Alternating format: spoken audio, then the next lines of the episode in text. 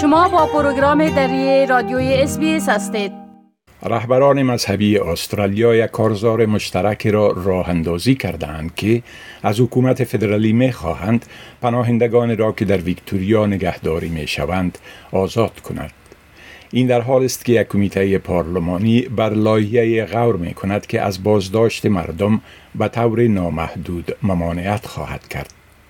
با توجه به اخراج نووک جاکوویچ تنیس باز سربستانی که توجه جهانی را به وضعیت اسفناک بازداشت شدگان جلب کرده است رهبران مذهبی از صدر اعظم می خواهند تا در حالی که تورنمنت تنیس استرالین اوپن پایان یافته در این زمینه اقدام کند.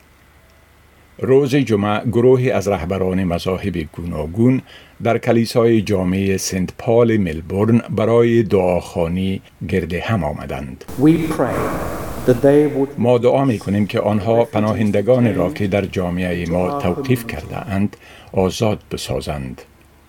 هنگامی که حکومت استرالیا نووک جاکوویچ را در توقیفگاه مهاجرت در پارک هتل بازداشت کرد بیش از سی پناهجو در محور توجه جهانی قرار گرفتند.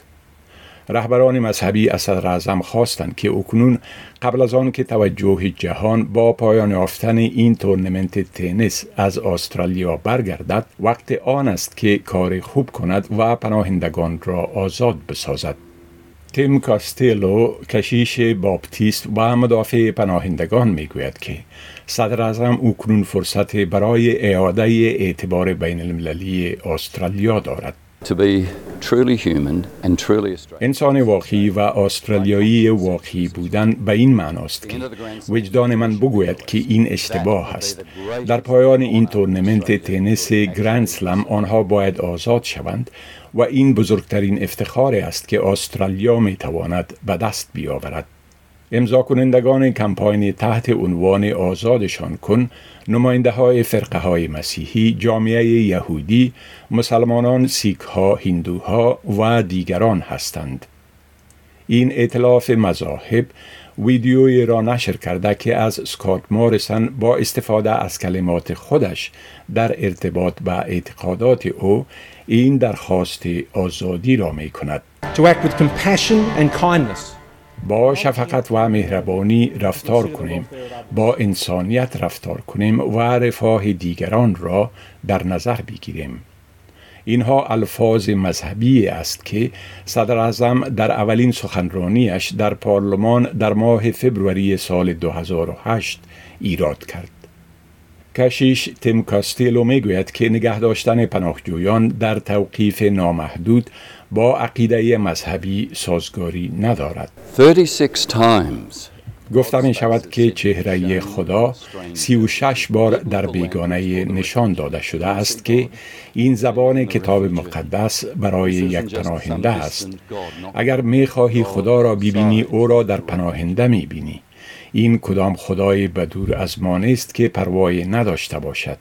خدا در کنار پناهنده است. تقریبا همه پناهندگان بازداشت شده در پارک هتل توسط مسئولین رسمی اداره مهاجرت استرالیا به حیث پناهنده شناخته شدهاند. آنها طبق قوانین مدویک از جزایر مانوس و نارو برای تداوی صحی به استرالیا آمدند. بعضی از آنها به تدریج آزاد شدند اما خواهر بریجید آرتر از پروژه پناهجویان بریجیدین می‌گوید که این یک سیستم بدون نظم و خودسرانه است. They have to be released at some stage. آنها باید در مرحله آزاد شوند اما چی زمانه برنامه چیست؟ هیچ نشانه وجود ندارد که برنامه وجود داشته باشد و هیچ دلیل وجود ندارد که چرا این یکی آزاد می شود و این یکی دیگر آزاد نمی شود مهدی علی از تقریبا دو سال به این سو در پارک هتل در توقیف بوده است. او پس از اینکه در ایران به دلیل ارتباطش به اقلیت عرب اهوازی تحت آزار و اذیت قرار گرفت در استرالیا تقاضای محافظت کرد او در وقتی که پانزده ساله بود در توقیف قرار گرفت و اکنون که 24 ساله است امیدش را از دست داده است. بعضی از روزها احساس می کنم هرگز از اینجا بیرون نخواهم رفت. احساس می کنم آنقدر ضعیف هستم که نمی توانم بخوابم. من یک انسان هستم. کمیته دائمی مشترک پارلمان در مورد مهاجرت در حال حاضر بر یک مقننه غور می کند که حد اکثر مدت را برای بازداشت مهاجرین بدون حکم محکمه تعیین می کند.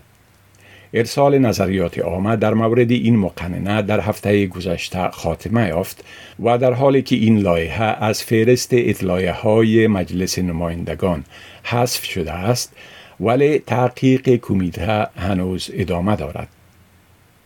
جاسبیر سینگ سوروپادا از شورای دینی سیک معتقد است که حکومت در مورد این موضوع اقدام خواهد کرد. آیا این چیزی است که استرالیا از آن حمایت می کند؟ من این را باور نمی کنم. من می دانم که سکات مورسن کار درست را انجام خواهد داد. من معتقد هستم که کسی به این همه درخواست های اجتماعی از مذاهب مختلف گوش خواهد داد. ما دعا می کنیم که خداوند او و رهبر مخالف را رحمت کند و آنها را به انجام کار درست وادارد. دفتر صدر اعظم هنوز به درخواست های اس برای اظهار نظر در مورد این موضوع پاسخ نداده است. گزارشی را که شنیدید با کمک ابی دنم از SBS News تهیه شده بود. بپسندید، شریک سازید و نظر دهید. SBS دری را در فیسبوک تعقیب کنید.